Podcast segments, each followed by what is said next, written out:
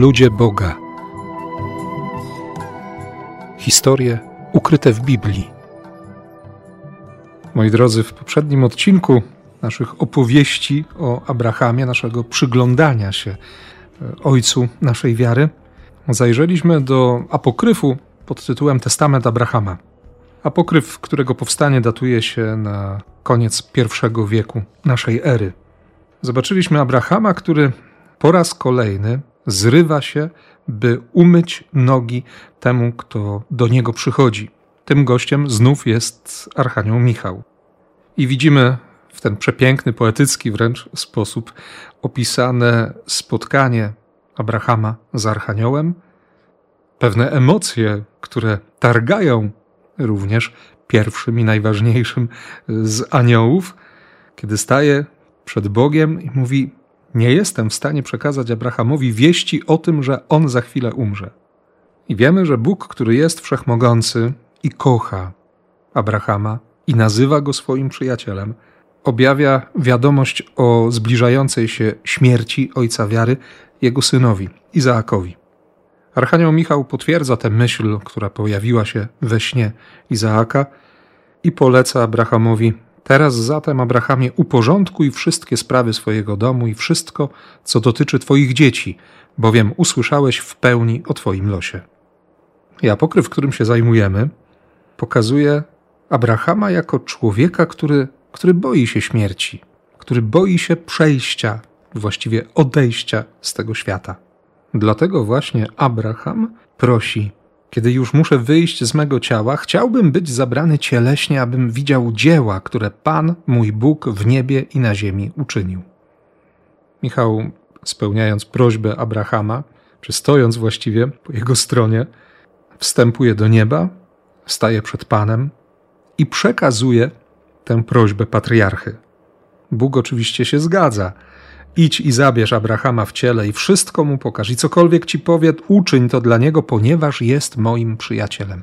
Mieć taką relację z Bogiem, by Bóg naprawdę nazywał nas swoimi przyjaciółmi. Oczywiście od razu przypomina się Ewangelia w redakcji świętego Jana, ostatnia wieczerza.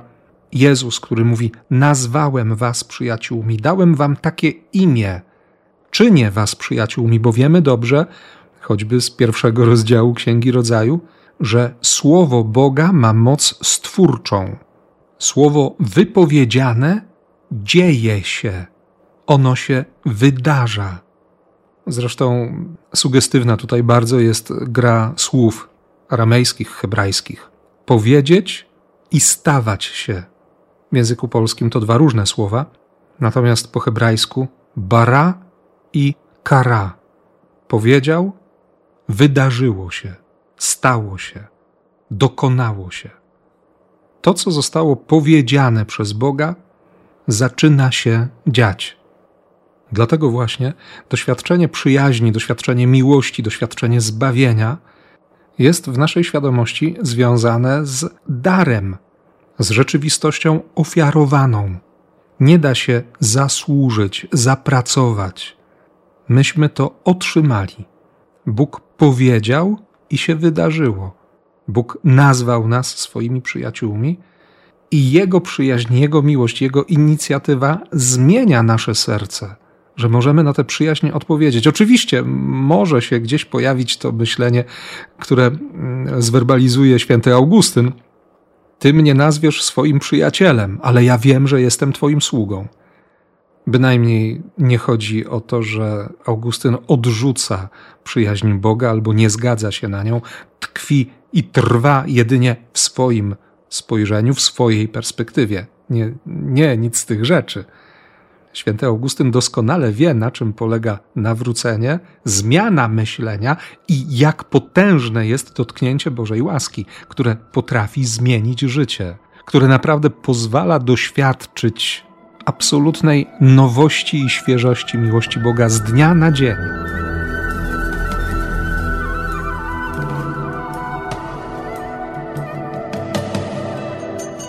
Archanioł Michał, upewniony przez Boga, właściwie mający Bożą zgodę, wraca do Abrahama, sadza go na jakiejś chmurze i pierwszym którego widzi Abraham w rzeczywistości Bożej, jest człowiek, który siedzi na tronie wielkiej chwały, otoczony przez tłum aniołów, pomiędzy dwiema bramami.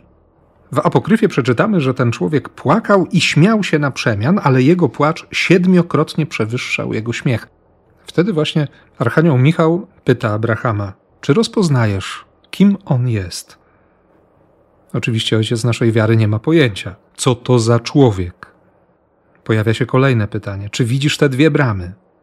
One są tymi, które prowadzą do życia i na zatratę. A ten, który między nimi siedzi, to Adam, pierwszy człowiek.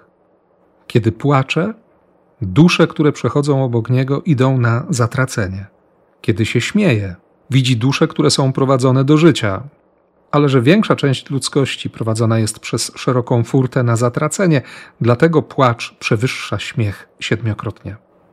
Możemy tutaj naturalnie znaleźć echa nauki Chrystusa, opowieści o dwóch bramach, szerokiej i wąskiej, jak również echa Jezusowej analizy bogactwa, czy właściwie zaufania temu, co się posiada. Łatwiej jest wielbłądowi przejść przez ucho igły, niż bogatemu wejść do Królestwa Niebios. Abraham zaczyna płakać. Biada mi, jestem bowiem korpulentnym człowiekiem. Jak będę mógł przejść przez ciasne wrota, przez które nawet piętnastoletnie dziecko nie wejdzie? Widzimy tutaj wyraźnie, jak bardzo myślenie człowieka o Bożych sprawach różni się od tej Bożej perspektywy. Abraham patrzy na siebie, widzi pewną niemożność zmierzenia się z Bożym Sądem. Ale przecież Bóg na szczęście dla każdego z nas patrzy inaczej. Archanioł Michał, widząc smutek ojca wiary, upewnia go i pociesza: Nie lękaj się, nie bądź smutny, ty bowiem i wszyscy, którzy są tobie podobni, przejdziesz przez nie bez przeszkód. Kolejna osoba, która jawi się w tej wizji, to Abel, którego Abraham widzi w roli sędziego. Pojawia się tam również Henoch, pierwszy sprawiedliwy, nauczyciel nieba i ziemi i pisarz sprawiedliwości, tak nazywa go Archanioł Michał w Apokryfie. Według teologii żydowskiej Pan posłał ich tam, aby zapisywali grzechy i czyny sprawiedliwe każdego człowieka. Przypominamy sobie też dobrze e, osoby Abla i Henocha. Henoch, który jest sprawiedliwy, który, gdy urodził mu się syn, zaczął chodzić z Bogiem, czyli żyć w takiej przyjaźni, w takiej bliskości z Najwyższym, że nagle znikł. Żydzi wierzą, że to jest pierwszy w niebo wzięty człowiek. Co wydarzyło się w życiu Abla, również doskonale wiemy. I znamy też ten fragment z listu do Hebrajczyków, w którym autor natchniony mówi o, o tym krzyku, jaki wydobywa się z ziemi, która nasiąknęła krwią Abla. Krew Abla krzyczy z ziemi, woła o sprawiedliwość, o sprawiedliwy sąd.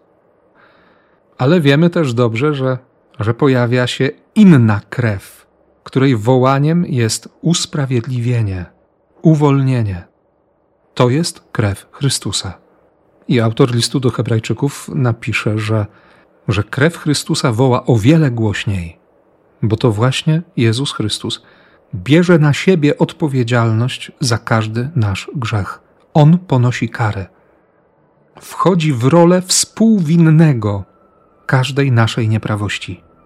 Przeczytamy przecież u świętego Pawła gorszące słowa, że, że Bóg uczynił Chrystusa grzechem dla naszego usprawiedliwienia.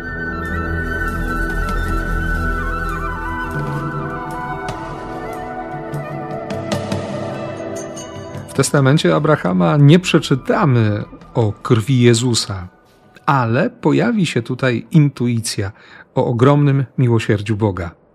Bo w kolejnym rozdziale tego apokryfu Abraham zobaczy mężczyznę i kobietę, którzy dokonują grzechu zdrady małżeńskiej. I wtedy momentalnie Abraham reaguje na tę sytuację i mówi: Widzisz ten grzech? Zwracając się do Archanioła Michała: Panie, ześlij ogień z nieba, aby ich strawił. I natychmiast spadł ogień, bo Bóg zgodził się wypełnić każde pragnienie, każde życzenie, każde słowo Abrahama, swojego przyjaciela. W kolejnym wersie przeczytamy: Spojrzał Abraham i zobaczył innych ludzi, którzy spotwarzali swoich bliźnich, i powiedział: Ziemia winna się otworzyć i ich pochłonąć. Gdy on to jeszcze mówił, połknęła ich ziemia żywcem. Potem Abraham zobaczył ludzi, którzy chcieli popełnić morderstwo. Stwierdził, że, że powinny wypaść dzikie zwierzęta i ich pożreć, i to się właśnie wydarzyło. I w tym momencie Bóg odzywa się do Archanioła Michała: Poprowadź Abrahama z powrotem do jego domu, nie pozwól mu iść dookoła całego stworzenia, które uczyniłem. On bowiem nie lituje się nad grzesznikami, aby się nawrócili i żyli, aby się odwrócili od swoich grzechów i zostali uratowani. Chyba nikomu z nas nie jest obce takie myślenie, jakie ma Abraham, bo bardzo łatwo potępiać nam innych szczególnie kiedy nie mamy problemów w jakiejś e, materii, która dla wielu będzie szansą popełnienia grzechu. Co więcej, szansą wykorzystaną. Bo nierzadko zdarza się, że łaska, charyzmat, dar ofiarowany przez Boga, bo przecież niegrzeszenie jest łaską, jest darem Bożego miłosierdzia. A zatem bywa tak, że, że ten dar może stać się pokusą, jeśli okaże się, że łaska będzie nas prowokować do, do osądu, do poniżenia innych. Nie tyle zgorszenia się, bo zgorszyć to znaczy uczynić gorszym, przekonać siebie, że przecież też mogę sobie na to pozwolić, skoro wszyscy to robią. To jedna droga pokusy przychodzącej do tych, którzy nie popełniają jakichś grzechów. Ale często demony przychodzą po to, żeby kusić pychą, nie rozumiem, jak można mieć problemy z tą czy inną dziedziną życia, z takim czy innym grzechem. Dlatego właśnie potrzebujemy pokory, zarówno w spojrzeniu na swoje serce, na swoją grzeszność, jak i na grzeszność tych, którzy żyją obok nas.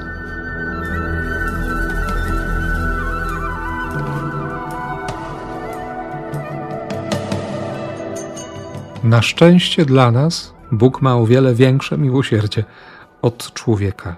My o tym wiemy, my się o tym przekonujemy, my tego doświadczamy w czasie każdej spowiedzi. Dla nas prawda o Bogu, który jest miłosierny, który odpuszcza nam grzechy, wydaje się być bardzo oczywista, przynajmniej dla większości z nas.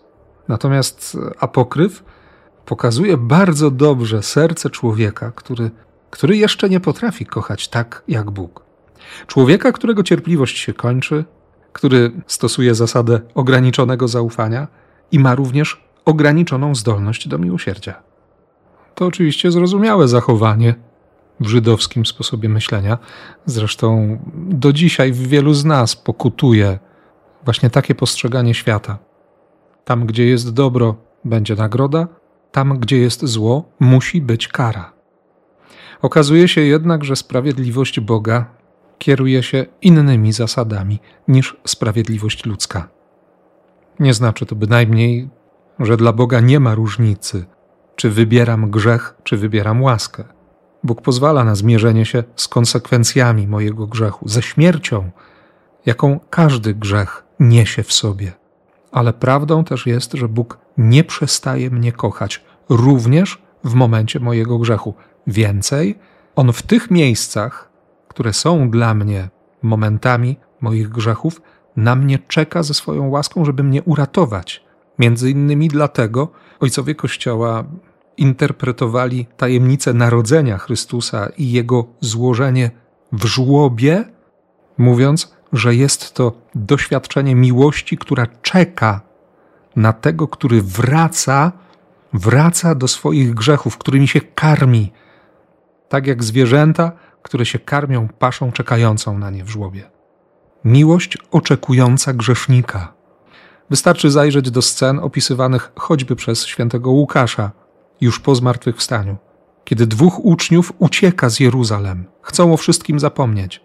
Rozczarowali się Bogiem, rozczarowali się sobą, nie ma nadziei. Idą w kierunku Emaus, tych gorących źródeł, miejsca zapomnienia. I na tej drodze spotyka ich Jezus. On im towarzyszy. Jestem przekonany, siostry i bracia, że wcale nie jest nam łatwo przyjąć prawdę o tym, że, że Bóg towarzyszy nam również na tych drogach, którymi idziemy, by zgrzeszyć, by potwierdzić wybór przeciwny łasce, miłości, miłosierdziu Boga. On również wtedy z nami jest. Gdybyśmy mieli zawsze przed oczami ten obraz i gdybyśmy byli świadomi Bożej obecności, na pewno wielu grzechów byśmy nie popełnili. Choćby z poczucia przyzwoitości albo nawet strachu. Dlaczego Bóg się ukrywa? Dlaczego Bóg nie daje nam rozpoznać swojej obecności? Owszem, mamy sumienie, mamy ten głos Ducha Bożego, który nas ostrzega przed grzechem, przed śmiercią, ale wiemy też dobrze, że, że potrafimy przykryć ten głos, zatrzymać go, uczynić nieskutecznym, bo przecież wiemy lepiej. A Bóg naprawdę szanuje naszą wolność. On nigdy nam nie odbierze możliwości wyboru. Nie pozbawi nas tej władzy podejmowania decyzji. On jest Bogiem pokornym. To jest Bóg, który potrafi klęknąć przed człowiekiem, właśnie po to, by okazać mu ofiarną miłość. Pewnie przed niektórymi z nas długa droga do rozpoznania takiej miłości, do nauczenia się jej, do naśladowania właśnie takiego postępowania Jezusa. Tym niemniej warto już dziś podjąć decyzję o wyborze tej drogi, o pójściu o krok dalej niż Abraham, o przyjęciu za swój sposobu myślenia Boga. Do tego Was bardzo gorąco zachęcam i zapraszam jednocześnie na kolejne, a właściwie ostatnie już spotkanie z Abrahamem.